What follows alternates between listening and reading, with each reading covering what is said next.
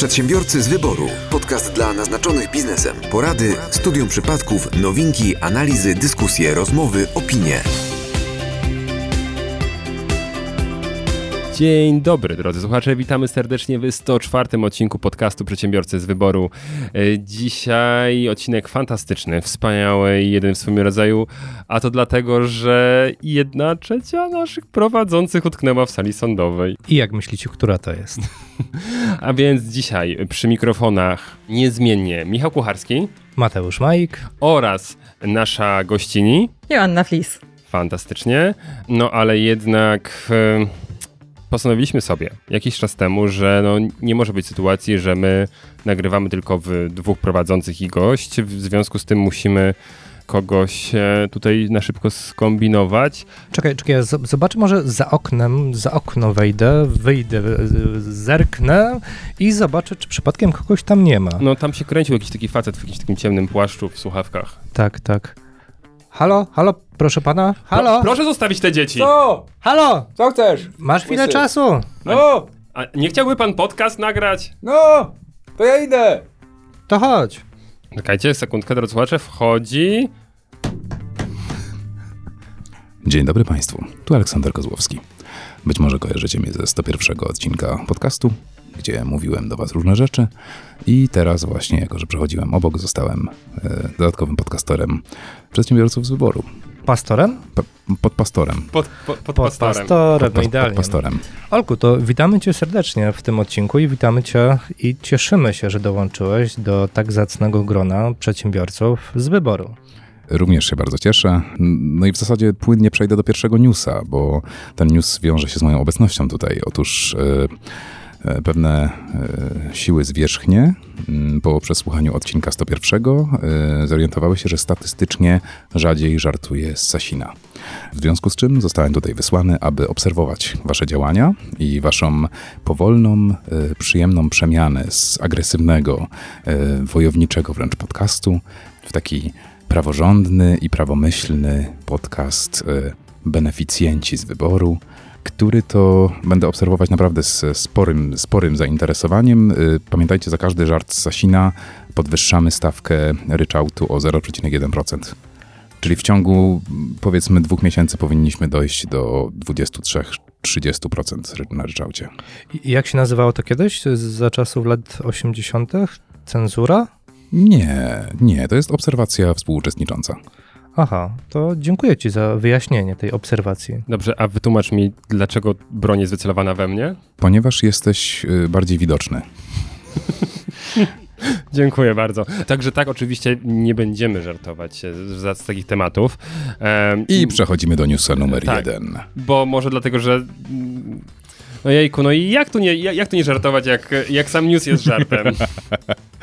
No, dobrze. Dzień dobry Państwu, będę, będę się krzątał po tym podcaście. A teraz zupełnie poważnie. y, Moim głównym zadaniem tutaj jest y, pilnowanie tego, żeby to wszystko streścić, skrócić do podcastów y, krótszych, więc news numer jeden, zapodaję go. Michał. Prima Aprilis dopiero za trzy dni, ale już rząd stwierdził, że będzie nam rzucał e, takimi e, śmiesznostkami i okazuje się, że śmiesznostka numer jeden to korekta do polskiego ładu i obniżenie PIT-u z 17% dolnej stawki do 12%. I jeszcze e, chyba wycofanie się z ulgi dla klasy średniej. Tak, I coś jeszcze? tak i to wszystko działające wstecz, ale tam jest To, to przedziwne- działanie wstecz jest cudowne. Bo tam jest przedziwna konstrukcja, bo to działa wstecz od 1 lipca 2022 ze skutkiem na cały rok 2022. Czyli taki w ogóle mamy paradoks czasowy, bo działa wstecz y, z czasu, który jeszcze nie nastąpił. Tak. I, I tak zupełnie poważnie, ja po przeczytaniu tego newsa zacząłem się zastanawiać, y, czy to jest tak, że my będziemy teraz przez ci, przynajmniej których to dotyczy, będą przez rok rozliczali się celowo źle, a następnie robili korektę w 2023, bo jeżeli tak, to ilość y, księgowych zmieniających zawód jeszcze wzrośnie. My już kiedyś złożyliśmy kondolencje dla księgowych i ich rodzin, także teraz ponawiamy, jeśli ktoś przetrwał tą pierwszą e, falę pandemii e, zwanej Polskim Ładem, to teraz jest druga fala. Ale jest to niesamowite. Poziom, poziom kompetencji tutaj wzrósł do miejsca, którego się chyba nikt nie spodziewał. Także trzymajcie się, mm, jesteśmy z wami myślami, ciałem może nie, natomiast dacie radę. Znaczy ja, ja, ja mam mega mm, taką wewnętrzną bekę dla wszystkich, którzy starali się ogarnąć Polski Ład, wiecie, zastanawianie się, ej, a może ryczałt, wyliczymy to, tam parę procent urwiemy, może to będzie jakaś różnica i nagle dup 5% różnicy w podatku PIT, a to naprawdę sprawia, że wiecie, jeśli ktoś wahał się między ryczałtem 15 a 8,5%, to spadek tego PIT-u do 12%, no myślę, że solidnie tam wywraca te obliczenia. I kalkulatory znowu w ruch, nie? Jest świetna zabawa. Także jakby ktoś nie miał co robić, to może sobie policzyć, bar jak bardzo mu się przestały e, opłacać wcześniejsze obliczenia na rzecz nowych. Przedsiębiorcy z wyboru. Podcast dla naznaczonych biznesem. I jadąc dalej kompetencją, to jest taka wiadomość, dziękuję bardzo Gosi Poloczek za przekazanie mi no, dość smutnej wiadomości z bardzo mm, nietypowej branży. Otóż yy, rząd również postanowił zrobić dobrze yy, w branży beauty. I założenie nie było złe. Słuchajcie, zupełnie poważnie, założenie nie było złe. Otóż problem polegał na tym, że y, w tej chwili nie było y, żadnych regulacji i to sprawiało, że ktoś na przykład mógł w weekend, nie wiem, strzelam, prawnik, filmowiec lub ktoś pracujący na obrabiarce CNC mógł w weekend zrobić sobie kurs y, internetowy, a następnie zacząć wykonywać dość poważne zabiegi które no, są takimi zabiegami, których może raczej nie powinien wykonywać ktoś po e, weekendowym kursie. I learningowym. Czyli wcześniej tak. piękno było w zasięgu każdej ręki. Tak, każdej ręki, nawet pewnie mm, takiej metrowej ręki o, o średnicy metra. Ale, no więc postanowiono z tym coś zrobić, no i wyszło jak zwykle. I tu się zaczyna ta smutna część, ponieważ okazało się, że nie tylko od zawodu zostaną odsunięci e, ludzie, którzy zrobili kurs w weekend, ale także na przykład ludzie, którzy zrobili pięcioletnie studia kosmetologiczne na poważnych y, uniwersytetach pod okiem lekarzy, następnie nakupili sprzętu za 100 tysięcy złotych i okazuje się, że oni według obecnego projektu również nie będą mogli wykonywać bardzo dużej części zabiegów, bo będą mogli je wykonywać już tylko lekarze. A jak doskonale wiemy, lekarze mają bardzo dużo czasu i będą to robić sprawnie i bez kolejek, nie? Więc wyobraźcie sobie mm, pięcioletnie studia i 100 tysięcy w sprzęcie i nagle dowiadujesz się, że właściwie to sorry, ale ten zawód już nie istnieje i, i prze, weź się przebranżow, a ten sprzęt sobie sprzedasz. Ale jakie, jakie to zabiegi, nie wiem? Botox na przykład? Stylizacja brwi? No nie, no. Chodzi o, te, chodzi o te troszkę poważniejsze, to są na przykład te wstrzykiwania, nie? Czyli to, botox. I zgadza się, jasne, ktoś, kto przez weekend zrobił kurs y, wstrzykiwania, nie powinien ludziom robić ust i widzimy w internecie, jakie są efekty tego, nie? Ale ktoś, kto zrobił 5 lat studiów, chyba jednak ma jakieś prawo to robić. Jeszcze taki dodatkowy element. Lekarze nie będą robić pewnych zabiegów y, niskoinwazyjnych, tylko będą robić te takie, które podchodzą pod szeroko pojętą medycynę estetyczną, tą taką hardkorową. Taką więc, plastykę. więc doszło do tego, że będą pewne zabiegi, których w ogóle nikt nie będzie mógł wykonywać. Jeżeli to przejdzie, pomyślcie, ile osób traci nie tylko robotę, nie tylko wykształcenie, ale i sprzęt za gigantyczne pieniądze. Yy, dlatego yy, sugestia z mojej strony, petycja, jakiekolwiek działania, jakie możecie zrobić, nagłaśnienie tematu, yy, róbcie z tym coś, bo szkoda tych ludzików, nie? Szkoda. Jest ich dużo. A jeśli się okaże, że niestety rząd w to wprowadzi, no to spodziewajcie się dużych promocji sprzętu na OLX-ie. No ale jejku, no... Sprzedaż spółki, jak to ostatnio było. Wiecie, mamy już e, turystykę związaną e, z innymi zabiegami, teraz na, będą wszyscy walili do, nie wiem, Ostrawy, tak. do, do, do, Berlina na, na to, żeby sobie właśnie... E, no a ludzie, którzy 5 lat studiowali kosmetologię, teraz jeszcze będą musieli studiować język czeski, żeby tam założyć swoje firmy. Niekoniecznie, a ja już widzę tutaj dobry biznes, bo wystarczy tylko i wyłącznie za granicą utworzyć kilka, jak nie kilkanaście miejsc, gdzie będziesz wynajmował tak naprawdę na godzinę konkretne kliniki, kliniki albo po prostu pomieszczenia. I patrz, i ci przedsiębiorcy... A to by dobrze mówić tak z Katowic, nie? A już z Warszawy troszkę gorzej. No, z Warszawy będzie bliżej bardziej na Białoruś. O, to, to, nie... to, to, nie wiem, czy to jest optymalny kierunek, ale... I e, przechodzimy do newsa trzeciego. Ale Proszę. pół słowa do tego. Zobacz, do tej pory ci przedsiębiorcy od branży beauty zastanawiali się, czy prowadzić działalność w Polsce w związku z Polskim Ładem. Rząd im ułatwił to. Pięknie! Decyzję podjęto za nich. Jest łatwiej, nie muszą podatków teraz rozkminiać. W ogóle. Przedsiębiorcy z wyboru. Podcast dla naznaczonych biznesem. Ja mam taki news z pogranicza agrounii, Elona Muska oraz Marka Zuckerberga. I długo się zastanawiałem, dlaczego wszelkiego rodzaju platformy streamingowe, platformy, gdzie możemy e, organizować spotkania, webinary, e, wprowadza różnego rodzaju awatary zwierząt. I możecie na przykład zostać takim kotem, krową, pandą, niedźwiedziem polarnym, lisem i tak dalej, i tak dalej. I o co chodzi? Mateusz, ten news idzie w tak niebezpiecznym kierunku, że ja nie wiem, czy się podejmę komentarza. Wiesz, ale co się okazało? Naukowcy udowodnili, że jeśli my widzimy siebie i inne osoby bardzo blisko e, twarzy, w momencie, kiedy rozmawiamy, i tutaj mówimy w tym przypadku o wideokonferencjach, to automatycznie zaczynamy się zamykać, zaczynamy się nie skupiać, zaczynamy w dziwnym, w dziwnie się zachowywać, ponieważ nie jesteśmy dostosowani do tego, że tyle osób na nas patrzy w jednym momencie. I Stąd też to rozwiązanie, czyli wprowadzono tego typu kreskówkowe emoty, żeby rozwiązać problem mm, komfortu tak naprawdę związanego z prowadzeniem spotkań. I również w biznesie chcą tego typu działania wprowadzać. A to jest dobry news w ogóle. To jest dobry news. Znalazłeś dobry news. Tak. I dlaczego o tym newsie mówię? Różnego rodzaju platformy to wprowadzały, natomiast w, w, ostatnim czasie Zoom wprowadził tego typu też formę. Jeśli korzystacie z Zooma i nie macie zaktualizowanej e, platformy, zaktualizujcie sobie ją do 5.10 i będziecie mogli być lisem, pandą, niedźwiedziem lub innym zwierzątkiem. I mam nadzieję, że akceptacja społeczna w biznesie będzie ogromna. Jejku, jak ja, jak ja bym chciał, żeby tak się działo. Wow. Żylibyśmy w lepszym świecie troszeczkę. Dokładnie tak, e, tak mi się wydaje. E, jakbyśmy mieli wersję wideo, to byście właśnie zobaczyli się, jak się na Zoomie bawię różnymi filtrami.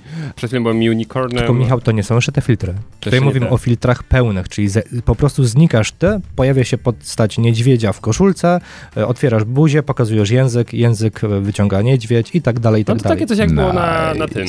Snapchacie. Na, właśnie. Dokładnie. I takie filtry były też do Messengera nice. chyba takie czas temu. A czy to jest... Dzikie mi się kojarzy z newsem, e, nie wiem czy kojarzycie, to były chyba początki pandemii, ale już takie bardziej, bardziej, bardziej zaawansowane, jak na jakieś obrady chyba w parlamencie w Hiszpanii jakiś kolo podłączył się i mu się jakiś filtr załączył i gadał jako kotek, albo to było w parlamencie europejskim. Tak, to, to, to, to, piękne było. Tak właśnie, tak moglibyśmy czynić ten świat trochę lepszym miejscem. Kolorowym. Nie tylko w Czechach. Przedsiębiorcy z wyboru. Podcast dla naznaczonych biznesem. No i co, proszę Państwa, przechodzimy do naszej gościni. Części bo, właściwej. Tak, bo nasza gościni e, też ma newsa. No, okazuje się, że mam newsa. No może trochę takiego innego, bo mam e, newsa o nałogach. Bo ja generalnie w tym się specjalizuję. Może trochę mniej poważnie niż wasze newsy. Ale e, ostatnio spotkałam się z tym, że dużo osób mówi, że w Polsce sprzedaje się coraz mniej alkoholu. To znaczy masa ludzi powołuje się na to, że w latach 90. spożywaliśmy alkoholu mniej no i chciałabym to głośno powiedzieć, że news jest taki, że spożywamy tego alkoholu więcej. Instytut Jagielloński zrobił badania, które pokazują, że na każdego człowieka w Polsce, również tego nowonarodzonego, przypada przynajmniej jedna butelka piwa dziennie.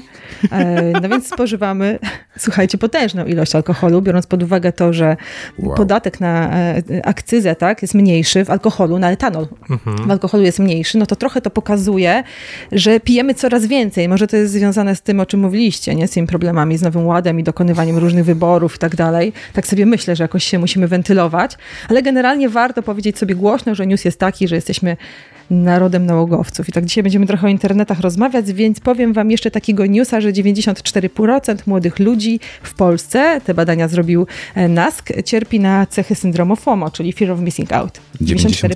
94%. Czyli to jest norma, czyli to jest norma, że wszyscy Jesus. boimy się tego, że coś nas ominie, czegoś nie będziemy wiedzieć, jakiegoś newsa nie przeczytamy. I tak bardzo teraz weszłaś właśnie w nasz główny dzisiejszy temat. Tak. E, do, do wow. FOMO wrócimy za sekundkę. Mi się wydaje, e, że ta spożycie alkoholu może mieć związane z tym, że możemy go spożywamy dłońmi do dezynfekcji. Przynajmniej, wiecie, ja, ja mam takie, taką, taką mocną nadzieję. Wcierasz się amolem? Wcie, wcieramy sobie może, wiecie, no nie? Butelkę piwa sobie wcieramy dziennie, tak? W noworodka no tak, swoją to, drogą. To dotyczy piwa, nie, no. więc jakoś tak tam jest tylko 4,5 chyba, już, nie? Już, widzę, tą, kamp- już widzę tą kampanię promocyjną wetrzyj piwo w noworodka, nie? Mi się od razu ale, ale zobacz, to się też z tą branżą beauty wiąże. Kąpiele w piwie nie jest powiedziane. Możemy po prostu coraz bardziej zamożni i wiecie, kąpieli no winne, kąpieli piwne, to wszystko się może dzieje. Wow. Ja myślę, że, że ludzie po prostu piją teraz inaczej prostu niż kiedyś, chlejemy. czyli piją wieczorem. Michał, ja No, wiem, ty wiesz. jesteś w tym stole, my po prostu chlejemy. Skoro przechodzimy do drugiej części, to się napijmy. Tak. Droga Joanno, y, zaprosiliśmy cię tutaj, żeby porozmawiać o temacie, wydaje mi się, jeszcze bardziej bieżącym niż zwykle. Zaczęły się dziać mm, trudne i złe rzeczy na świecie, co myślę u bardzo wielu ludzi y, zaowocowało efektem ubocznym. Ja zauważyłem go nawet sam u siebie, mimo tego, że od dłuższego czasu y, bardzo walczę z telefonem swoim i z uzależnieniem od telefonu, bo y, skoro pierwszym punktem zawsze jest przyznanie się, no to, no to przyznałem, że jestem totalnie uzależniony od telefonu. No i Ile zacząłem, czasu spędzasz? wiesz co, teraz Mhm. zero. Okej. Natomiast przed tym wydaje mi się, że byłem w stanie zmarnować grubo ponad godzinę dziennie na nie mam pojęcia na co. A to chyba statystycznie to i tak jest mało, z tego co pamiętam. Dla mnie było to dużo. Natomiast kiedy już udało mi się tego telefonu prawie pozbyć, no to niestety, ale przyszedł moment czytania newsów. I czytania tych newsów w dużych ilościach. I potknąłem się trochę o swoje postanowienie. Natomiast zastanawiam się, jak bardzo wszyscy inni potknęli się o newsozę, czy to jest właściwe słowo? Newsozę, No, która tak się nazwać. właśnie zaczęła. Y, Masz jakie, jakąś wiedzę na ten temat? Jak wzrosło mm, spożycie informacji w ciągu ostatnich tygodni? Wiesz co, nie mam takiej wiedzy, jak wzrosło dokładnie, ponieważ te badania jeszcze, jeszcze trwają. Natomiast z pewnością jest tak, że Twitter e, notuje bardzo duży wzrost e, użytkowników. Ja zresztą sama e, podnoszę rękę i, i, i Twittera wcześniej nie używałam, teraz już rozumiem o co chodzi, ale ponieważ jeszcze się w nim dobrze nie rozgościłam, więc nie mam tam zbyt wielu znajomych, więc na szczęście mnie nie zawala Twitter po prostu newsami. Natomiast rzeczywiście to jest trochę tak, że mamy wmontowaną taką funkcję, taką potrzebę monitorowania wszystkich, tak to nazwę, plotek, ale newsy są niczym innym niż plotki, ponieważ rzadko kiedy sprawdzamy rzetelne źródła. Trochę ulegamy takiej nie, zbiorowej panice i okazuje się, że w tej zbiorowej panice najważniejsze jest posiadanie wiedzy. Ta wiedza może być wewnętrznie sprzeczna. Nie? Ja mogę sobie czytać różne rzeczy od prawa do lewa i może mi się to nie składać w całość. To nie ma znaczenia, czy mi się to składa, czy nie składa w całość. Znaczenie ma to, czy ja nadążam za tą wiedzą, czy ja posiadam ten zasób. Więc rzeczywiście, jak sobie patrzę na moich pacjentów albo na grupy, z którymi pracuję, do tych ludzi mogę się odnieść, to większość zareagowała na samym początku wzmożoną pracą poznawczą.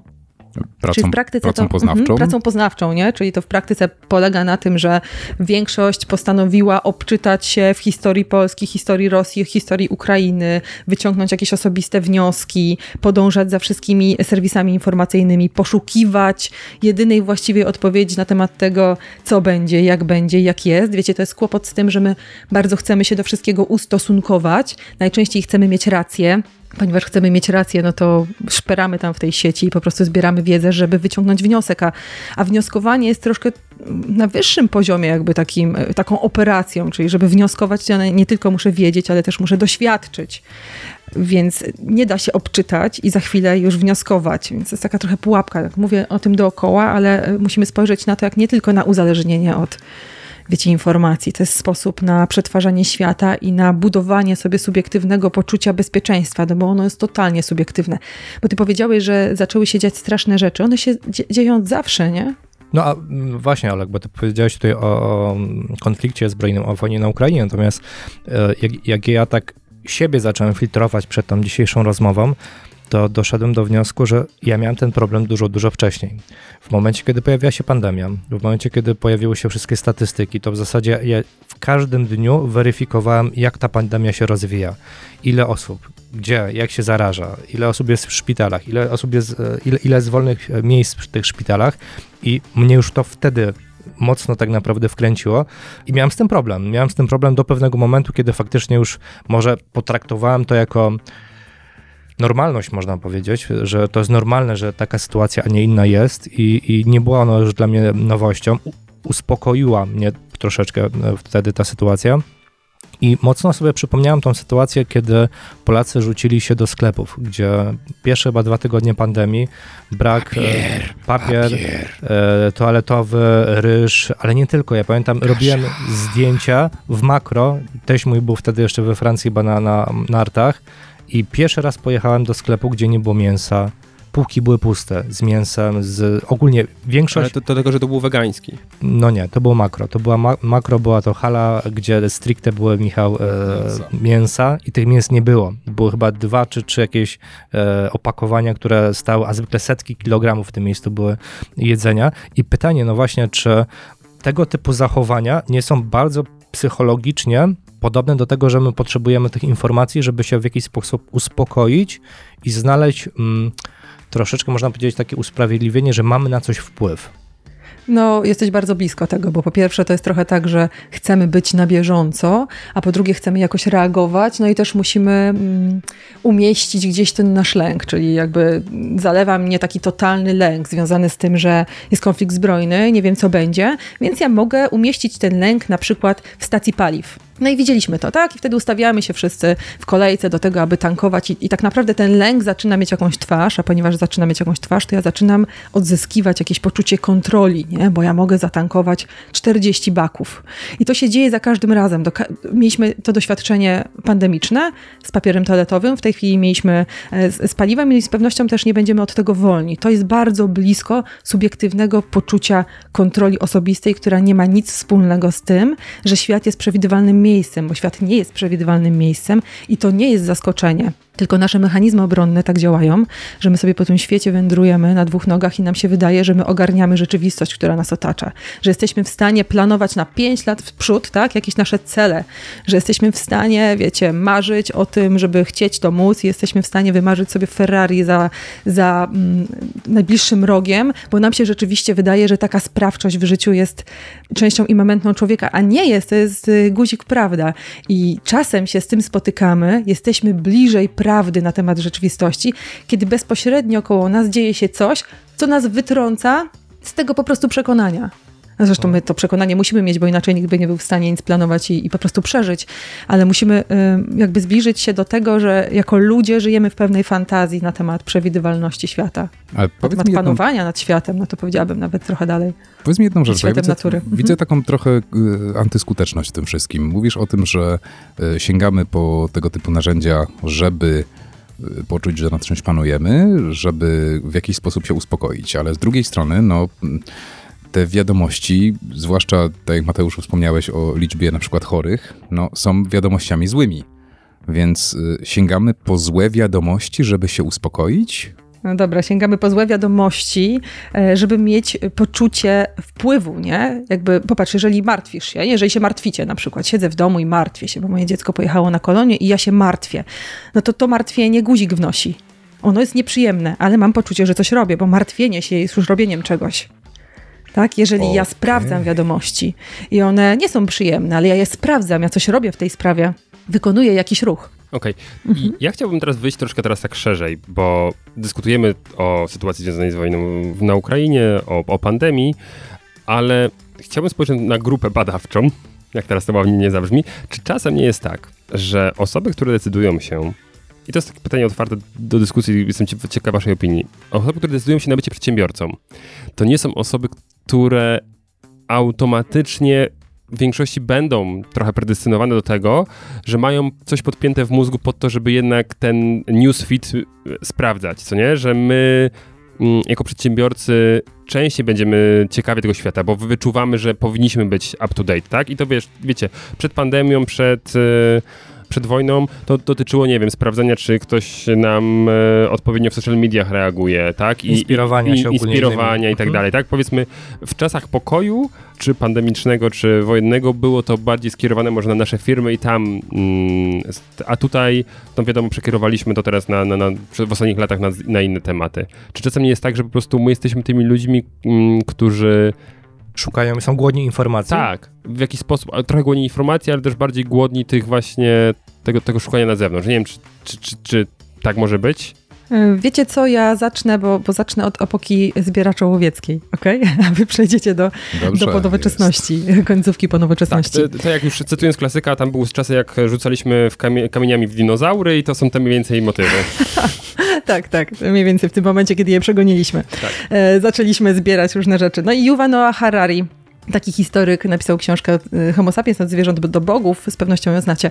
Generalnie on rozpoczął taką dyskusję na temat tego, że człowiek w epoce zbieraczo-łowieckiej, kiedy przebywał w takich małych grupach, no takich dajmy na to 50-osobowych, budował sobie poczucie bezpieczeństwa w grupie e, dzięki temu, że śledził wszystkie plotki dotyczące tego, co z kim kogo łączy. No i to było wtedy możliwe, no bo to było 50 osób i generalnie dzięki temu, że ja posiadałam tą wiedzę na temat wszystkich zmian i dyskusji, które się toczą u pozostałych członków mojej grupy, to dzięki temu ja się czułam bezpiecznie, mogłam zapobiegać czemuś. Natomiast w tej chwili my, my żyjemy w potężnej y, społeczności i między innymi dlatego na przykład Pudelek ma takie duże branie, nie? Bo, bo próbujemy robić to samo, czyli próbujemy śledzić wszystkie plotki, wszystkie newsy, wszystkie zmiany, które dotyczą ludzi, którzy przynależą do naszej grupy, przy czym ta grupa jest tak duża, że przekracza tak zwaną liczbę Dunbara, czyli liczbę możliwych osób, z którymi jesteśmy blisko i po prostu fiksujemy, nie? czyli nie możemy się nasączyć tą wynosi? wiedzą. Liczba Dunbara wynosi do około 20 osób, od 12 do 20 osób. To jest taka możliwa liczba osób, z którymi jesteśmy naprawdę blisko z którymi jesteśmy naprawdę blisko, których losy wow. jesteśmy w stanie śledzić, no bo żeby czuć się z kimś blisko, no to my musimy mieć taką szansę, e, żeby śledzić losy tej osoby, czyli w pewnym sensie musimy, muszą łączyć nasz, nas, nasze sagi wzajemne, tak jak to mówili wikingowie w filmie. Ja mhm. patrzę na twarz Mateusza i Olka i oni się e, ewidentnie zastanawiają, gdzie to jest ich pozostałe 11 osób, co nie? to jest ewidentnie rozkminka. Tak. Ale y, jak mówiłaś, to ja tak sobie pomyślałem, że jakimś przełomowym momentem na pewno był internet i to nie jest jakieś wielkie odkrycie, ale uświadomiłem sobie właśnie, że przed internetem istniały y, dostępne na przykład u mojej babci gazetki typu Życie na gorąco i tego typu Pani zjawiska. Rozumiem, rozumiem, że to się wpisuje w y, informacje na przykład o celebrytach tam umieszczane. To się wpisuje w ten problem, no jasne, że tak, wiesz. Generalnie nie, 11 osób ok, bo liczba Dambara to 150, a od, od 12 do 20 możemy mieć bliskich przyjaciół, więc mhm. możecie okay. włączyć te 11. E, czyli 150 w ogóle jesteśmy w stanie ogarnąć, ale rzeczywiście to jest trochę tak, że plotka była sposobem na to, aby zaspokajać tą wyuczoną przez naszych przodków potrzebę podążania za biografią kogoś innego.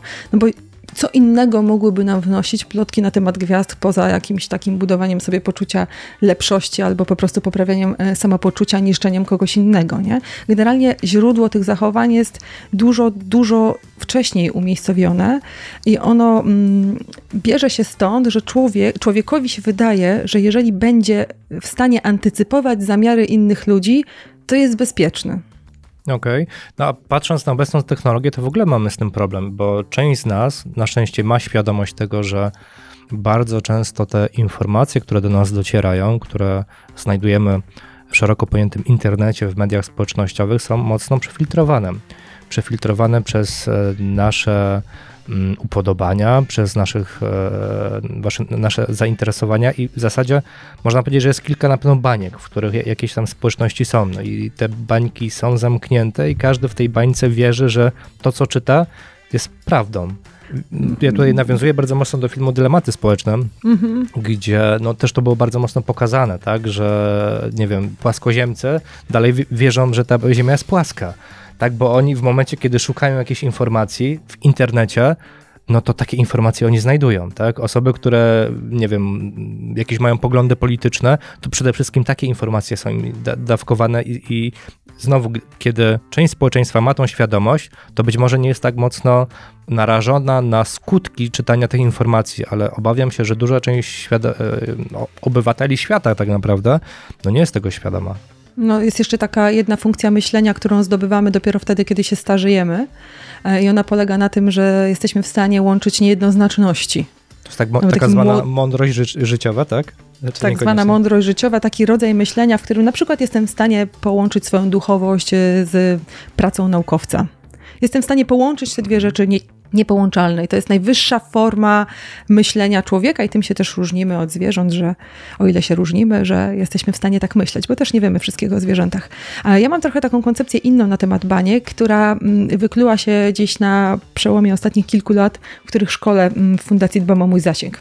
Mam taką ideę, że jeżeli jesteśmy w bańce informacyjnej, tak, to pracują na nas pewne algorytmy, które antycypują nasze kolejne wybory i dzięki temu my stajemy się trochę ofiarami poprzednich wyborów. Jeżeli ja kupuję sobie e, nie wiem, torebkę, e, to ona za mną wędruje przez następne kilka miesięcy. Wiemy, czym są algorytmy, tak? E, no i tak mniej więcej działa każda przestrzeń społeczna też, do której przynależymy, sieciowa, czyli jeżeli ja jestem na Facebooku, no to obserwuję tylko te strony, które mi się podobają i tylko tych ludzi, którzy się ze mną zgadzają, no bo generalnie lubimy mieć rację. I jako społeczeństwo, jako pokolenie w tej chwili, no i też kolejne pokolenia będą miały jeszcze większy problem, zaczynamy żyć w bardzo homogenicznych grupach. Tak naprawdę ta globalizacja, o której mówiono, że ona nam otworzy okno na świat, tak jak okno Windowsa. W pierwszym Windowsie, pamiętacie, było takie okno, które się wydawało, że internet otworzy nam okno na świat. Tak naprawdę to okno na świat i ta globalizacja sprawiła, e, że my zaczynamy żyć w grupach ludzi podobnych do nas. I to sprawia, że stajemy się coraz mniej otwarci na różnorodność i coraz gorzej znosimy treści, które się ze sobą nie łączą. Dlatego jesteśmy tak dogmatyczni w tej chwili i tak bardzo się polaryzujemy i tak trudno nam zgadzać się z argumentami, które podważają naszą dotychczasową mapę świata. Jest taka koncepcja, która mówi, że jeżeli chcesz z kimś dyskutować, to dyskusja, dyskusja ma miejsce tylko wtedy, kiedy chcesz się od kogoś czegoś nauczyć kiedy otwierasz się na to, żeby czegoś się nauczyć. No my tego nie robimy, no bo jesteśmy przyzwyczajeni do środowiska, które nas po prostu potwierdza. Skojarzyło mi się to troszkę z tym, że y, jak bardzo to działa w każdą możliwą stronę. W sensie y, uniwersytety ostatnio y, coraz to mniej stają się przestrzenią do dyskusji, a stają się tak zwaną bezpieczną przestrzenią. Co sprawia, że pewnie w zależności od tego, jaki jest kierunek ideologiczny danego uniwersytetu, to rozmowa staje się coraz to bardziej kłopotliwa. E, strasznie trudno być wykładowcą niepasującym do, e, że tak powiem, ogółu ideologii swojego uniwersytetu. Czy myślisz, że tam jeszcze może być jakiś ostatni, ostatni bastion, czy ten ostatni bastion też już upada? Na uniwersytecie? No. E, nie mogę inaczej myśleć niż tak, że oczywiście jest ostatni bastion, bo inaczej wszystko byłoby bez sensu. E, ale myślę sobie, że jeżeli będziemy patrzeć na naukę jak na zdobywanie e, ostatecznej racji, no to, to, to, ona wtedy nie ma sensu, nie? bo nauka to są pytania, nie odpowiedzi. No, ja mam tak w głowie. Nie? Jeżeli się nauczymy tego, że poczucie bezpieczeństwa w świecie gwarantuje nam zdolność zadawania e, sensownych pytań, to wtedy być może nie będziemy tak uporczywie walczyć z naszym neurotycznym lękiem poprzez udawanie przed sobą wzajemnie, że ten świat jest w jakiś sposób do ogarnięcia. Nie? To jest taki kłopot. Nie? My wtedy zapijamy, nie wiem, spędzamy masę czasu w grach, które są przewidywalne, w przestrzeni cyfrowej, która jest przewidywalna. Zabijamy się o jakieś idee, poglądy zupełnie e, idiotycznie, no bo nie ma ostatecznej idei i ostatecznego poglądu. Nie? Widzę, że bardzo, bardzo, wracasz do, bardzo wracasz do tego tematu, y, jak bardzo lubimy mieć rację. I, mhm. I widzę, jak bardzo się z tym nie zgadzasz. Możesz to troszkę rozwinąć, jak bardzo ta chęć do posiadania racji robi nam krzywdę? No ona nam robi krzywdę, dlatego że po pierwsze chcemy mieć rację, no bo po pierwsze nie lubimy się mylić, a po drugie gwarantuje nam to iluzję poczucia bezpieczeństwa w świecie. Jeżeli ja mam rację, to mogę o sobie dobrze myśleć. Jeżeli ja mam rację, to też wydaje mi się, że jestem bezpieczna im wyżej jesteśmy u władzy na przykład, tym bardziej wydaje nam się, że mamy tą rację, jesteśmy coraz bardziej, mamy zawężone pole widzenia i nie przyjmujemy żadnych informacji zwrotnych z boku. E, I to jest też ciekawe. Ale ta racja robi nam krzywdę, ponieważ na świecie nie ma racji, wszystko jest względne jakby bardzo mocno wierzę w to, że, że jednak funkcjonujemy w takiej idei konstruktów pewnych społecznych na temat świata i możemy ze sobą uzgadniać pewne poglądy co do świata, ale nigdy nie będziemy w stanie tego świata tak percepcyjnie, na poziomie też poznawczym oddać w całości. Więc posiadanie racji to jest tak naprawdę zamykanie się na świat. I przez to, można tak chyba to sparafrazować, e, no nie, nie rozwijamy się, prawda? No bo jeśli uważamy, że my jesteśmy najmądrzejsi, my mamy zawsze rację, no to jednocześnie jesteśmy zamknięci na inne informacje, które mogą nam mm, zmienić e, sposób myślenia, sposób postrzegania danej sytuacji.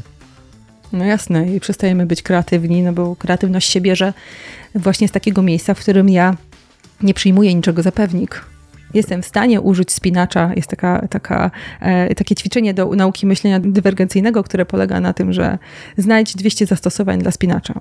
I jestem w stanie wymyśleć, że spinacz będzie mi służył do czegoś zupełnie innego niż do spinania kartek papieru. Ja myślę sobie, że myślenie o spinaczu jest po prostu czymś bardzo takim e, przyziemnym, natomiast posi potrzeba posiadania racji przyjmuje mm, formę autorytarnej na przykład władzy albo nacjonalizmu, albo różnych innych paskudnych filozofii, tak to nazwijmy, żeby nie obrażać też filozofii, ale filozofii życia, które pozwalają tak, niszczyć drugiego człowieka i odbierać mu godność, a niekiedy nawet życie, w zamian za to, żeby mieć tą rację, czyli żeby czuć się bezpiecznie. Jest taka książka Neurotyczna osobowość naszych czasów Karen Korny i ja myślę sobie, że trochę tak jest, że my gdzieś poszliśmy jako ludzkość w jakieś takie niekoniecznie fajne miejsce, w którym robimy z lękiem różne dziwne rzeczy, które nam po prostu nie służą wycieczka, którą zrobiliśmy w tym momencie, ja sobie zastosowałem te słowa na przykład do, do, do kontekstu wojny, tak? Bo to, mm. tam to się rozchodzi dużo o, o, o, rację, tak? I o człowieka u władzy, który nie słucha informacji z zewnątrz, tak? To... No, tam jest grubszy temat, ale, ale tak, właśnie, że tam też chodzi tak, że no, kto ma rację, że Rosja bojąc się swoje bezpieczeństwo, patrząc na rozszerzenia, czy ten, i zobaczcie, jak to ładnie nam się klamrą spięło. Chciałam dokończyć, że wiecie, jakie jest ulubione powiedzenie każdego psychologa, że to zależy, nie? I tak A, no. sobie myślę o, o, wiedzy, nie? Tak, tak, tak. tak, że to, że to zależy. Im, Im bardziej widzisz, że to zależy, tym bardziej spotykasz się z tym, że kurczę, nie przyjdzie taki moment w życiu, w którym będziesz w stanie ogarnąć rzeczywistość, która cię otacza i jedynie jakieś takie racjonalne pogodzenie się z tym jest w stanie po, jakby otworzyć te drzwi do sensownego radzenia sobie z, nie, z nieprzewidywalnością świata. To ja mam takie pytanie może... Mm, hmm na pewno mi odpowiesz, to zależy, natomiast e, może rozwiniesz, że tak powiem. To jest świetne, świetne. Od tego czasu będziemy na wszystko odpowiadać, to zależy. Dokładnie. To bardzo ułatwi nam rozmowy. Jakimi działaniami, jakimi ćwiczeniami, jak to tak możemy nazwać, e, jesteśmy w stanie mm, popracować nad osobami, które są takie totalnie radykalne, które nie zmieniają swoich poglądów, które wierzą w to, co widzą, wierzą w to, co robią i to, co mówią, no właśnie, jak dotrzeć do takich osób? Uciekać. Uciekać. e, trzeba uciekać. Trudno jest dotrzeć do takich osób, to jest trochę jak z objawami wytwórczymi, nie? E, czyli z omamami, urojeniami, że im bardziej dyskutujesz z osobą, która jest w epizodzie jakimś psychotycznym, tym więcej ona zdobywa argumentów przeciwko tobie, tak? Jeżeli się dopytujesz, to znaczy, że przynależysz też do tych, które chcą ją zniszczyć. Ja specjalnie porównuję i trochę przerysowuję, ale rzeczywiście trochę jest tak, że jeżeli ktoś chce bardzo mieć rację albo ma jakieś bardzo mocno rozbuchane ego, i bardzo potrzebuje to ego nakarmić, to wtedy to, co możemy zrobić, to się uwalniać od tych dyskusji. To jest trochę tak jak z hejtem, nie? który jak karmimy, to on się po prostu y, rozrasta. Jeżeli to jest y, sytuacja w naszym domu, nie? albo w naszej organizacji, w której jesteśmy i mamy obok kogoś, kto y, bardzo potrzebuje mieć rację, to wtedy dość sensowne jest operowanie na konkretach, a nie na emocjach, e, czyli operowanie na faktach. E, to jest być może jakaś taka rzeczywistość, która pozwoli takiej osobie dotknąć trochę tej pomyłki, choć nie wiem. Choć nie wiem. Myślę sobie, że twardogłowi e, nie zmieniają swoich poglądów, dopóki im się to nie opłaca. To bardzo pesymistyczna e, wizja jest, bo troszkę brzmi, jakby gdzieś dookoła nas istniała spora część świata. Zresztą ja tak rzucę tak trochę może, a może my jesteśmy tą częścią no świata, właśnie. bo y, której nie da się zmienić. I Mateusz, że ty zacząłeś zadawać to pytanie, to byłem pewny, że zadasz pytanie, co możemy zrobić ze sobą. Okay. Y, więc skoro ty pytasz, co możemy zrobić z innymi i dowiedzieliśmy się właśnie, że niewiele, to ja zadam to pytanie, a ze sobą co możemy zrobić? Bo załóżmy, że zaczynamy namierzać u siebie, że tak powiem, stwardnienie głowy, twardogłowie. I co możemy zrobić, żeby się przed nim ochronić? A to ja to, to rozszerzę pytanie Olka. A czy w ogóle jesteśmy w stanie u siebie namierzyć stwardnienie głowy?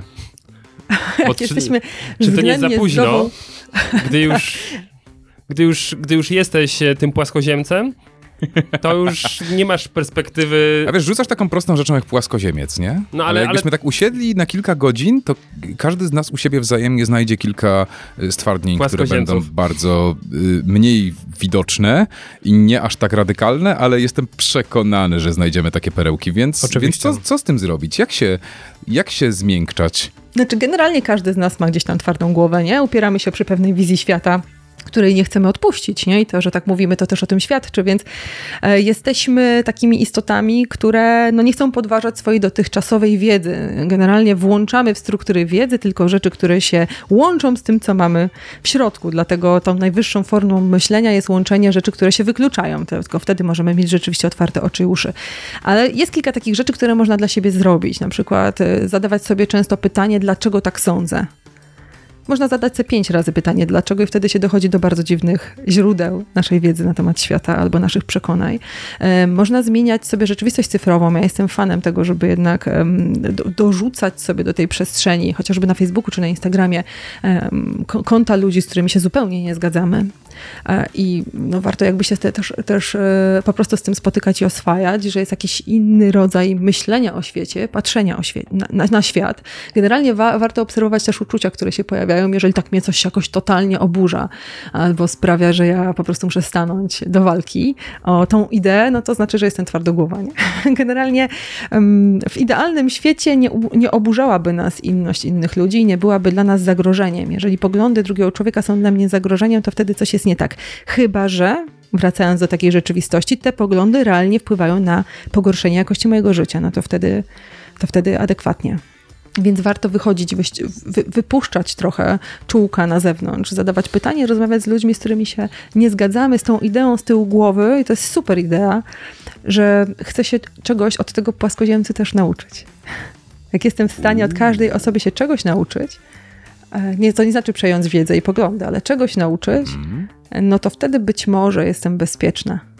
No właśnie to, co powiedziałaś, że to nie jest tak, że no każdy z nas gdzieś te, te granice jakiejś wolności ma. No i ja mam tutaj wrażenie, że to jest ciężkie, tak? Bo z jednej strony bardzo dużo poglądów dotyka naszej wolności na, na wielu etapach. Tak? W pandemii e, dziesiątki tysięcy ludzi wyszły na ulicę, gdy został dotknięty, do, do, do, została dotknięta sprawa um, aborcji, tak? Gdzie się okazało, że no to przezwycięża nasz strach przed, y, przed, przed wirusem, prawda?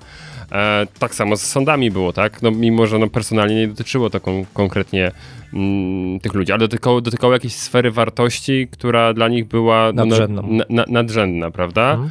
I zastanawiam się, no, no właśnie, czy, czy, są dalej jakieś uniwersalne rzeczy, o, o które no mimo wszystko, no nie jak, jak, jakiś jest klucz, że no nie powinniśmy dopuszczać do, do siebie tego. Nie wiem, czy to jest klarowne, co chcę przekazać, ale no wiecie, no jednak jakaś taka większa wartość w pewną ideę. Ja sobie z drugiej strony zdaję sprawę, Czyli że... jest jakaś prawda absolutna mimo tego wszystkiego, tak? No, ale no wiesz, no...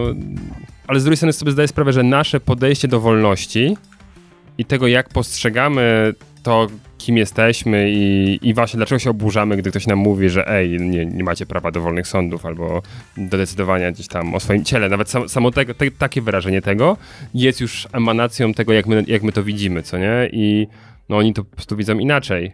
Mhm.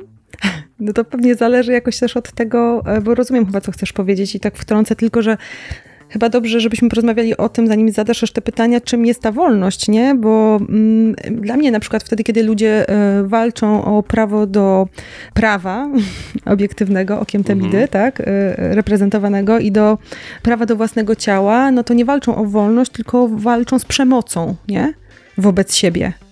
Że jakby bym rozdzieliła te dwie rzeczy, okay. nie? Że kiedy ktoś narusza moje ciało, kiedy ktoś przekracza moje, y, moje granice, osobiste, no to to jest przemoc. To nawet nie jest walka o wolność, to jest walka po prostu z opresją z zewnątrz. A wolność dla mnie to jest możliwość wyboru, nie? że w każdej sytuacji mogę y, samodzielnie dokonać wyboru, lepszego albo gorszego, ale samodzielnego. I żadna to jest wolność, że ja mogę decydować o swoim ciele. To jest norma, że mogę decydować o swoim ciele. Jeżeli ktoś mi to odbiera, no to stosuje wobec mnie opresyjną przemoc.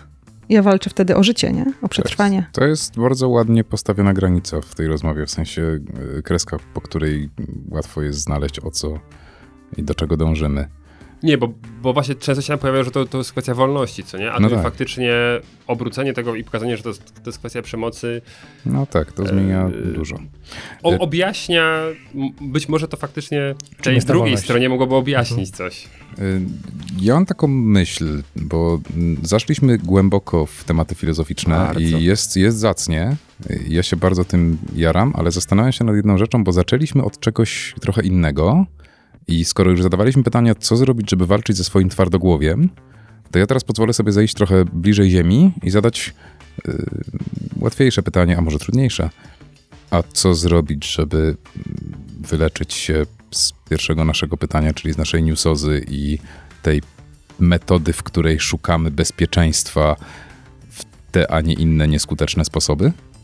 Bo rozumiem, że jest to właściwie twój główny, codzienny temat, tak? Tak, i teraz polecę grubo. Chodzi o Leć. autorytety. Tak bardzo leć grubo, bo po to chcemy cię słuchać. to polecę grubo, bo chodzi o autorytet. Generalnie mamy kłopot z tym, żeby ktoś robił na nas wrażenie, a nawet nie chodzi o to, żeby wrażenie, bo autorytet może nie robić żadnego wrażenia. Generalnie mamy problem z tym, żeby scedować na drugiego człowieka jakąś część naszego własnego wnioskowania, nie? Czyli jakby chcemy wszyscy podejmować samodzielne, wolne decyzje i wnioskować. I wrócę do tego, o czym mówiłam na początku, żeby, żeby wnioskować nie tylko potrzebujesz wiedzy, ale też musisz ją przetestować, czyli mieć jakieś doświadczenie. Więc to jest jeden kłopot, że Musimy uczyć się, nauczyć się tego, żeby wybierać jakieś autorytety, których słuchamy. A drugi, taki już bardziej przy ziemi, nie aż taki gruby, e, jest związany z tym, że moje poczucie bezpieczeństwa nie zależy od tego, co wokół mnie się dzieje. Choć czasem zależy, bo jeżeli ktoś, wiecie, wystrzeli w moją stronę bombę, to nie mam na to wpływu. Ale moje poczucie bezpieczeństwa tak na co dzień zależy od tego, jakie ja mam zasoby, nie? jakie ja mam umiejętności. Jeżeli ja jestem w stanie rozpoznać w sobie trzy zasoby, ja mam trzy zasoby, na których zawsze mogę polegać, bez względu na to, gdzie jestem. Czy jestem w Polsce, w Irlandii, czy jestem e, w szpitalu i czekam na diagnozę, czy wiecie, wywalili mnie właśnie z pracy, czy urodziło mi się dziecko, no cokolwiek, czy się rozwodzę, cokolwiek kryzysowego, czy wybuchła bomba obok mnie, to bez względu na to, co się dzieje, te zasoby są ze mną. To jest moje wyposażenie. I jeżeli ja jestem w stanie odkryć, jakie mam narzędzia, które zawsze są w moim plecaku, których mogę zawsze użyć, to wtedy jestem w stanie budować jakieś subiektywne poczucie bezpieczeństwa. To nie poprzez panowanie nad światem budujemy poczucie bezpieczeństwa, choć trochę tak, bo jako społeczeństwo próbujemy też to robić, nie? Tworzymy prawo i tak dalej. Natomiast jako ludzie budujemy poczucie bezpieczeństwa, znając swoje własne umiejętności. Więc jak ja wiem, że ja mam kałasznikowa tak, w plecaku, to jestem w stanie poradzić sobie w różnych sytuacjach i wierzę, że ten kałasznikow mnie e, ochroni. Okej, okay, chciałem cię spytać o przykłady zasobów. Nie spodziewałem się, że pierwszym okay. przykładem będzie Kałasznikow. Y, czy byłabyś uprzejma podać mniej strzelające przykłady zasobów? Bayraktar, jasne, jasne. Tak. Coś, na, co, na czym możesz polegać, nie? E, byliśmy w klimacie wojennym, więc tak sobie pomyślałam, że to czasem może ochronić, nie? Ale e, jeżeli chodzi o zasoby takie, które są ważne, to na przykład to jest kreatywność albo odwaga, nie? Jestem odważna jestem w stanie robić nowe rzeczy, albo szybko się uczę, nie? I jestem w stanie e, przyswajać sobie nową wiedzę, więc na przykład jak wylecę z pracy, to mogę oprzeć się na tym, że szybko się uczę, jestem odważna, będę robić coś nowego, tak? Albo potrafię prosić o pomoc innych ludzi, albo potrafię zjednać sobie innych ludzi, nie? Czyli to jest coś, co jest zawsze we mnie, albo mam gadane, nie? I to jest coś, co mnie może zawsze ochronić. I to jest jakby, jeżeli zaczniemy patrzeć do wewnątrz, nie? jakby rozpoznawać to nasze wnętrze, tych naszych plecaków, to wtedy jest duże prawdopodobieństwo, że nie będziemy musieli panować nad wszystkimi zmianami wokół nas. Czyli one zasadzie, właściwie tam mhm. niewiele wnoszą, nie? Można też powiedzieć, że taka gotowość do zmiany, tak? Czyli, że jesteśmy gotowi i że akceptujemy to, że to, co się dzieje, to nie znaczy, że to jest nam dane na, na zawsze. Ja trochę powiem jak Paulo Coelho, życie to zmiana, nie? Mhm. Ale tak trochę jest, nie? Że jeżeli jesteśmy w stanie przyjąć to, że jednak jesteśmy e, jakimś gatunkiem zwierząt, które żyje sobie na jakiejś planecie, e, o której trochę wiemy, ale nie za wiele, w jakimś kosmosie, który jest raczej dla nas większą niewiadomą niż wiadomą. I żeby to opanować, ten, ten poziom niewiedzy na temat siebie i też własnego sensu istnienia, to wtedy to ja mogę nad tym zapanować, wiedząc, co ja mam w środku, bo siebie jestem w stanie poznać choć trochę.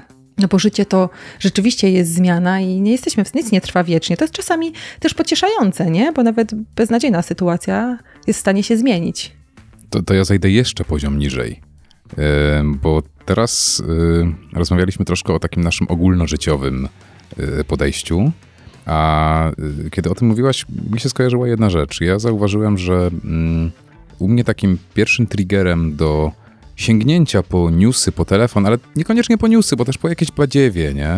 W internecie, yy, które mi zajmuje czas, jest właśnie strach, natomiast jest to strach taki bieżący, stres na przykład. Mhm. Sytuacja mnie przytłacza, obecna sytuacja zawodowa wygląda, i to nawet nie mówię o sytuacji zawodowej skali strata pracy. Nie, ten projekt, który teraz robię, bardzo mnie stresuje, więc co zrobię? Zamiast go robić, sięgnę po telefon i wyłączę mózg. Czyli uciekasz? E, uciekam. I tak, właśnie to u siebie namierzałem od pewnego czasu. Tutaj nie wiem, czy możemy mówić o zasobach na takim poziomie, żeby myśleć o swojej kreatywności, myśleć o swojej odwadze. Pytanie, czy tu są narzędzia już na tak niskim poziomie problemu, które byś zaproponowała, żeby chronić się w takiej codziennym wpadaniu w te złe yy, nawyki?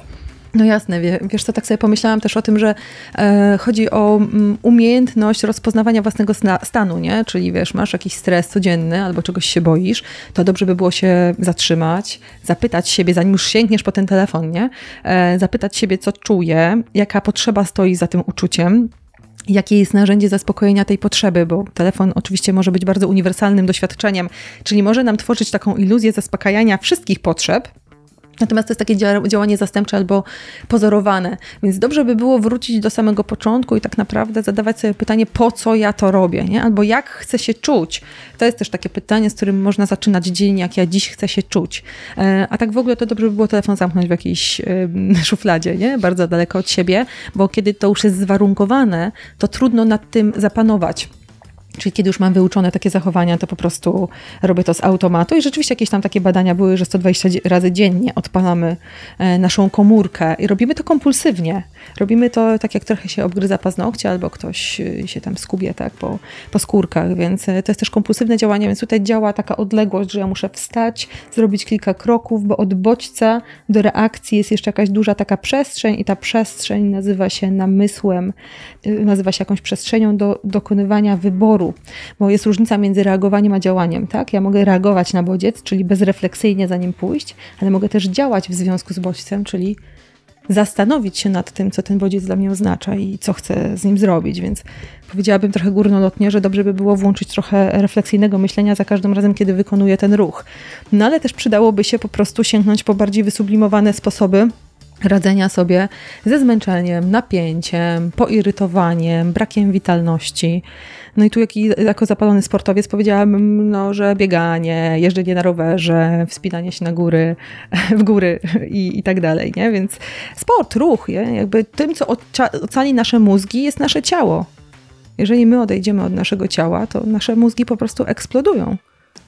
To jest powrót do ciała, nie? Cała ekoterapia tak naprawdę o tym mówi. I to, co jest najbardziej skuteczne w pracy z osobami uzależnionymi od mediów, od informacji, to powrót do sensorycznych doświadczeń, do e, takiego slow motion, które e, proponuje nam świat, no bo jednak ta wiewiórka, nie? Tak normalnie w lesie skacze troszeczkę wolniej niż ta na Discovery. Więc e, powrót do tego tempa, nie? No, to tak. Czyli koszyczka znalezienie sobie to, troszkę takiego też hobby, nie? No bo też jak obracam się w gronie różnego rodzaju osób, to faktycznie obserwuję, że te osoby, które nie mają takiej odskoczni zdrowej, nazwijmy to, od takiej codzienności, od obowiązków, od problemów, od tego ciągłego biegu, to, to mają częstsze problemy. Przynajmniej ja to tak mm, zauważyłem. A w momencie, kiedy dane osoby mają, no, nazwijmy to odskocznie, nawet w formie jakiegoś takiego, takiego rytuału pod tytułem codziennie sobie zrobię jakiś spacer, pójdę do lasu, coś zobaczę, tak? Wyłączę się tak naprawdę z tego szukania informacji, z myślenia o pracy i bardziej się skupię na tu i teraz, jak ja się czuję w tym momencie, co ja robię w tym momencie i, i co ja obserwuję, to te osoby też wydaje mi się dzięki temu wypoczywają i później są bardziej, no mogą być kreatywne, mogą być bardziej produktywne, czy, czy z tym się zgadzasz, czy jeszcze w jakiś inny sposób, że tak powiem, można, można to zwiększać? E, wiesz co, tak, zgadzam się też. Badania pokazują, że 8 godzin detoksu w ciągu dnia takiego cyfrowego, nie, e, nie wliczając w to snu, e, zwiększa, zmniejsza zespół stresu elektronicznego o 50%. Więc można powiedzieć, że tak jak minus 20 lat życia, nie? czyli wracamy do pewnej witalności, więc te 8 godzin jest takim pożądanym stanem i rzeczywiście hobby, wiesz, jakby pasja, to, że my jesteśmy w stanie się w coś zaangażować i to jest najważniejsze, bo to trochę tak jak z zabawą, że zabawa różni się od innych aktywności tym, że jest bezcelowa, i dobrze by było, żeby pasja też nie miała tej gradiacji osiągania kolejnych poziomów i budowania e, wyjątkowości i uciekania od przeciętności. To też jest dosyć ważne, że jeżeli ja mam pasję, e, to ona, jej celem jest sprawianie mi po prostu przyjemności. Oczywiście mogę się dzięki niej rozwijać, ale też nie przesadzajmy z tym rozwojem osobistym. Nie? Generalnie nie możemy go wcisnąć wszędzie, nawet w kanapkę e, poranną, bo jako ludzie no, musimy się też zgadzać na jakąś przeciętność, nie? na jakąś wystarczającość własną, bo to jest też kłopot, że większość ludzi wyobraża sobie, że szczęśliwe życie to takie, w którym jesteś wyjątkowy, a jak nie wyjątkowy, to masz jakieś sukcesy, albo że się coś w tym życiu zdarzy, nie? że przyjdzie taki moment, że coś tak walnie i się zdarzy, zadzieje się w końcu. No, ale już się zadziało, nie? żyjesz już więcej tu, większych fajerwerków nie będzie niż to, że się urodziłeś, nie? urodziłaś. Więc to jest też trochę o tej filozofii, stosunku do świata i do tego, co, co ten świat może mi dać, tak mówiąc językiem e, indywidualizmu, nie? Wow. Ja chyba jakieś olśnienie przeżyłem i zupełnie nie, nie ironizuję, nie? Dziękuję ci bardzo Wyjdziesz nowym olkiem. Tak, Bardzo tak. dziękuję Znaczy, ja myślę, że tutaj jakieś takie światło na ciebie z góry spada. To, to, to ewidentnie jest to. Aj, musieli to zepsuć, kurde. Tak. Człowiek sobie jakieś olśnienie przeżyje, a mu to Nie, spartolą. oczywiście. Z- z- Jak szukasz katarzis, to tam na zewnątrz proszę iść na ławkę z winkiem, a nie tutaj e, na podcast przychodzić. E, Olek mi ubiegł troszkę moje pytanie, bo ja właśnie chciałem zapytać wcześniej, czy, czy, czy lepiej być tym cyfrowym nomadą e, i się odcinać, ale drugą część zadam ci tego pytania, bo tutaj już na temat tego nomadyzmu cyfrowego trochę pogadaliśmy, a czy mamy jakieś takie zabezpieczenia, że nawet jeśli nie zdecydujemy się tego świadomie zrobić, to czy coś nas jednak e, ratuje, tak? Czy, w sensie, czy, czy może po prostu trzeba zaakceptować jejku, no. E, podobno około 100 lat temu, gdy gazety się stały super popularne, to mm, starsi wieścili, matko, co to będzie? Ludzie czytają te gazety, w ogóle nie ma kontaktów międzyludzkich, bo wszyscy z nosem w tych gazetach i tak dalej, prawda? A dzisiaj może no, po prostu tam, ten, ten cyfrowy e, uz, uzależnienie, tak? No dobra, uz, albo, albo ten cyfrowy oblicze świata może jest po prostu czymś, co co jednak jakoś działa I, i nie wiem, czy z twojej pracy wynika, że no faktycznie to dotyka w taki sto, sposób patologiczny wielu osób, czy jednak gdzieś nam się po jakimś czasie uruchamiają pewne bezpieczniki i, i jednak wychodzimy z tego jakoś tak w miarę automatycznie i wracamy do jakiegoś tutaj równowagi. Mm, No tak, trochę jak gazety, no i Platon chyba też tak mówił, tak, to był on. On mówił, że jak ludzie zaczną czytać, to przestaną myśleć, bo będą wtedy w cudzej głowie, nie? No. Więc rzeczywiście no, mamy taki trochę kłopot, nie? Z tym, żeby, żeby jakoś trochę adoptować się do tych zmian. I ja też nie jestem jakimś, wiecie, przeciwnikiem sieci. Jestem też klasycznym nerdem, może teraz trochę więcej biegającym, więc ja jakby rozumiem tę fascynację i, i to, że sieć i że przestrzeń cyfrowa i uważam, że ona też nas mega jakby rozwija.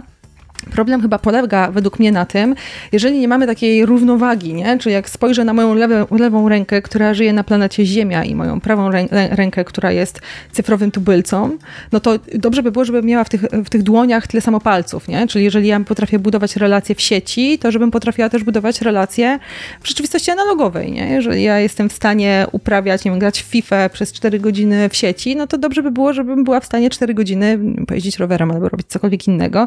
I dla mnie zdrowie to jest po prostu równowaga pomiędzy pewnymi kompetencjami, no bo żyjemy w dwóch wymiarach, nie? Cyfrowym i analogowym. One są jakby nie- nieodłącznymi elementami jednego życia. Więc jeżeli jestem tą samą osobą, z tymi samymi kompetencjami, to w ogóle nie widzę kłopotu, nie? Okej, a jeszcze tylko dotykając tego, czy mm, z, z, twojej pracy wynika, że faktycznie wiele osób popada w tą patologię, czy raczej ślizgają się po takim e, soft uzależnieniu? To zależy właśnie. I tu wracamy do 94% FOMO, o którym Tak, powiedziałeś prawda? na początku, No które ale właśnie było no to... przerażającą Od liczbą. Tak, to Od 90 wieku w pewnym sensie zależy. Okej.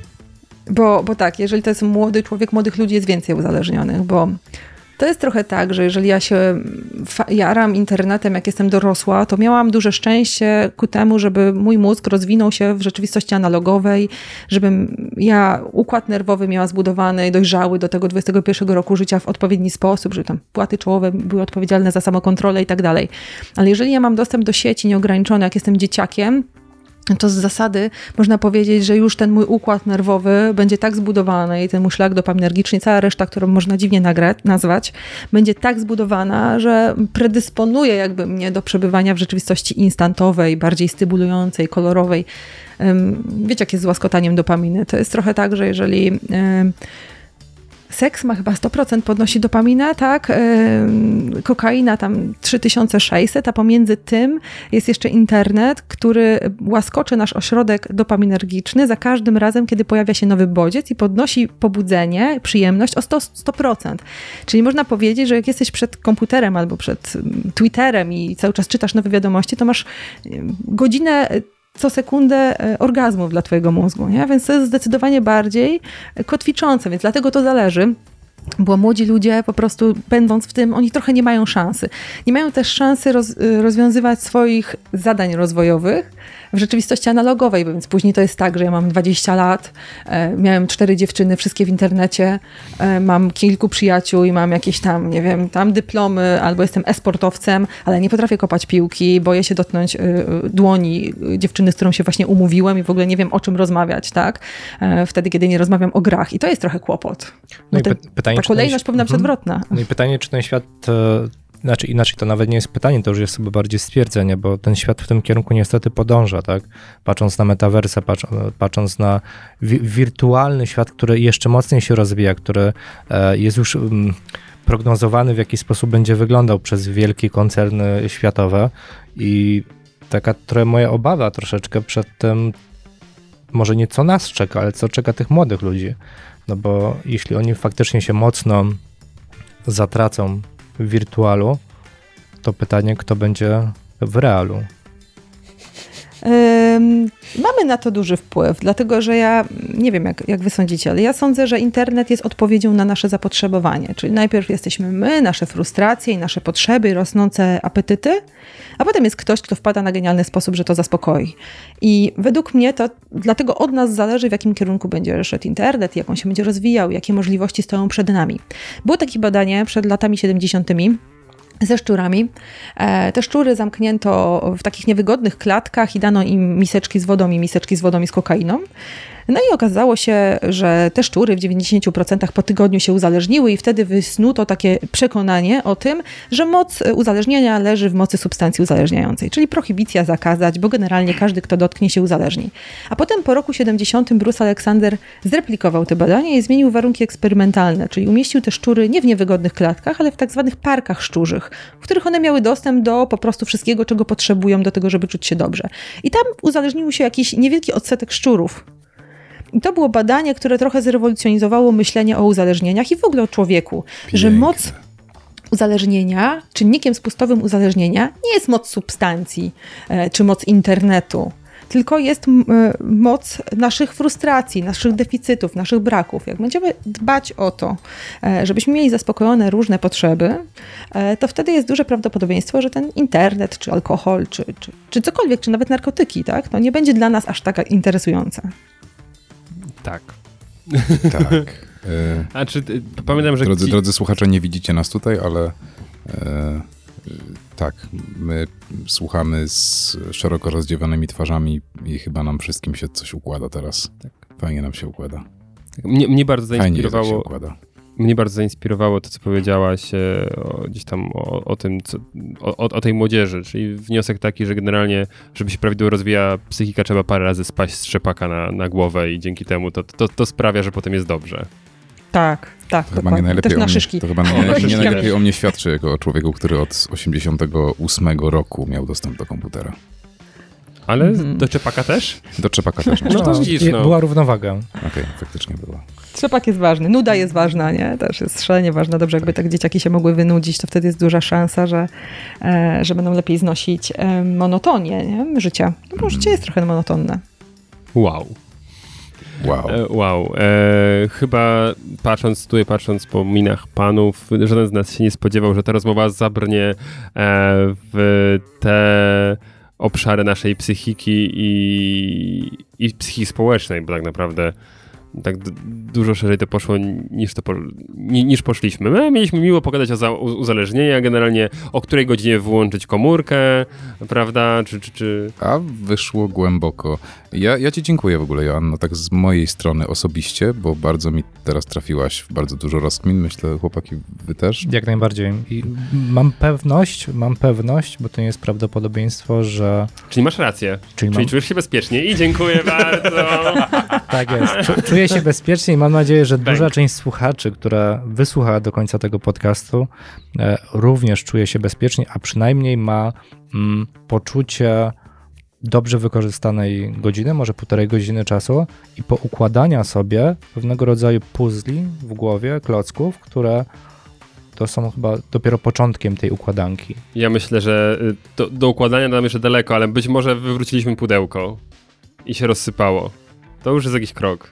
No tak, myślę, że to też wystarczy, nie? Jak, jak się pojawiło trochę pytań, to, to już jest okej, okay, żeby tak. przeżyć. A teraz trzeba będzie zajrzeć y, pod wypoczynek i się okaże, że oj, tam są puzzle, które zginęły dawno. Mm. No to co? E, Drodzy e, Państwo. Olku, no proszę bardzo. E, w takim razie. Jesteś świeżym nabytkiem tutaj bardzo e, prowadzącym, więc e, miałem się, że Piotr się zgodzi macha głową, że, że się zgadza, tak, na to, żebyś to ty zakończył. E, drodzy słuchacze, e, dziękujemy wam bardzo za wysłuchanie tego niezwykłego odcinka Przedsiębiorców z Wyboru i dziękujemy Joannie, która mam nadzieję, że poukładała nie tylko nam, ale też i wam, nasi słuchacze, parę rzeczy w głowach lub rozsypała pudełko, chociaż jak to e, określił Michał. Dziękujemy wszystkim i żegnają się z wami Mateusz Majk, Michał Kucharski Aleksander Kozłowski oraz nasza gościni Joanna Flis. Dziękujemy bardzo. Cześć, cześć. Dzięki wielkie. Hej, cześć. Przedsiębiorcy z wyboru. Podcast dla naznaczonych biznesem. Porady, studium przypadków, nowinki, analizy, dyskusje, rozmowy, opinie. Kto dokonuje oficjalnego zakończenia eee, do oficjalnego... Może Joanna, może Joanna dokona Nie, nie, Piotr Łysko doko, dokona oficjalnego zakończenia. Piotrze, jakbyś mógł dokonać e, oficjalnego e, zakończenia. Bo to jego Rom... odcinek jest. Tak, tak. Romku, potrzebujemy tutaj teraz sekundę ciszy i ja w tym czasie powiem Joannie, że mam jeszcze czwartego prowadzącego, który obecnie faktycznie jest na sali sądowej. E, I to nie dlatego, że złośliwi mówią, że ma jakieś wstępne oskarżenie o pedofilię, tylko dlatego, że po prostu on jest prawnikiem i, i broni okay. ludzi. Więc więc tak, Romku, tam była ta cisza. Taka, tak, wiesz, dwie, trzy sekundki. No, tak, że dziękujemy ci bardzo, Piotrze.